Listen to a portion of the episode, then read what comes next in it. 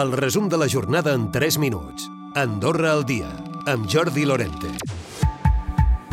El cap de govern Xavier Espot té en el seu full de ruta una proposta defensada pels grups de la majoria i és una pròrroga forçosa dels contractes de lloguer de 3 anys. Descarta vincular un increment de la renda en funció de la capacitat econòmica del llogater perquè pensa que seria difícil de controlar i podria obrir la porta a possibles abusos, però per contra proposa lligar-ho al metre quadrat acompanyant-ho d'un augment dels sous.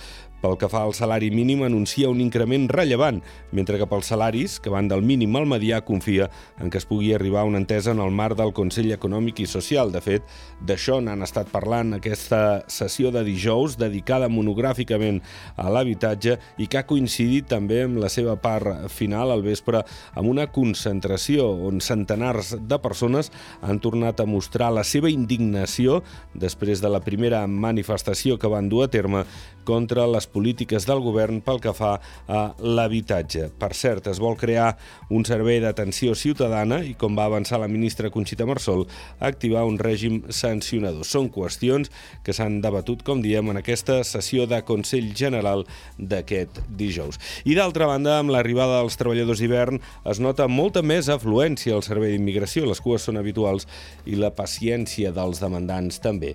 Una d'aquestes persones que fa una espera força llarga és el Santiago. El año pasado hice la tarjeta eh, al, próximamente esta fecha o el 20 y la fila a las 7, 8 de la mañana ya llegaba hasta la otra esquina allá atrás entre tots els tràmits que han de fer els nouvinguts, el de l'experiència laboral, saben que els acredita per accedir al lloc que opten. I l'índex de preus al consum del mes d'octubre s'ha confirmat al 5,6%. Això representa un descens de 5 dècimes respecte al setembre, mentre la població ocupada continua a l'alça aquest tercer trimestre.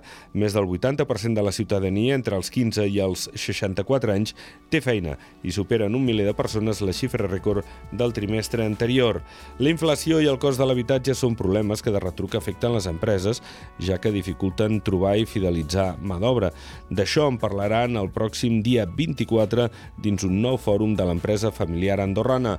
El secretari general de l'EFA és el Joan Tomàs. Bueno, nosaltres, nosaltres sempre ho hem dit, això hauria de ser la iniciativa privada, amb, amb, amb polítiques de concertació amb el sector públic, la que hauria de fer un plantejament de reforma, tot el que sigui facilitar, diguéssim, la inversió per la promoció de, de, de vivenda de, de, de lloguer, doncs ho veiem bé.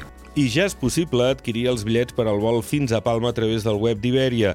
Començaran a operar el 5 de gener, dos dies a la setmana, divendres i diumenge, amb dues freqüències d'anada i dues de tornada. En total, i durant les 13 setmanes que la ruta romandrà activa, es posaran a la venda 3.744 bitllets a un preu a partir dels 49 euros. Recupera el resum de la jornada cada dia a AndorraDifusió.d i a les plataformes de podcast.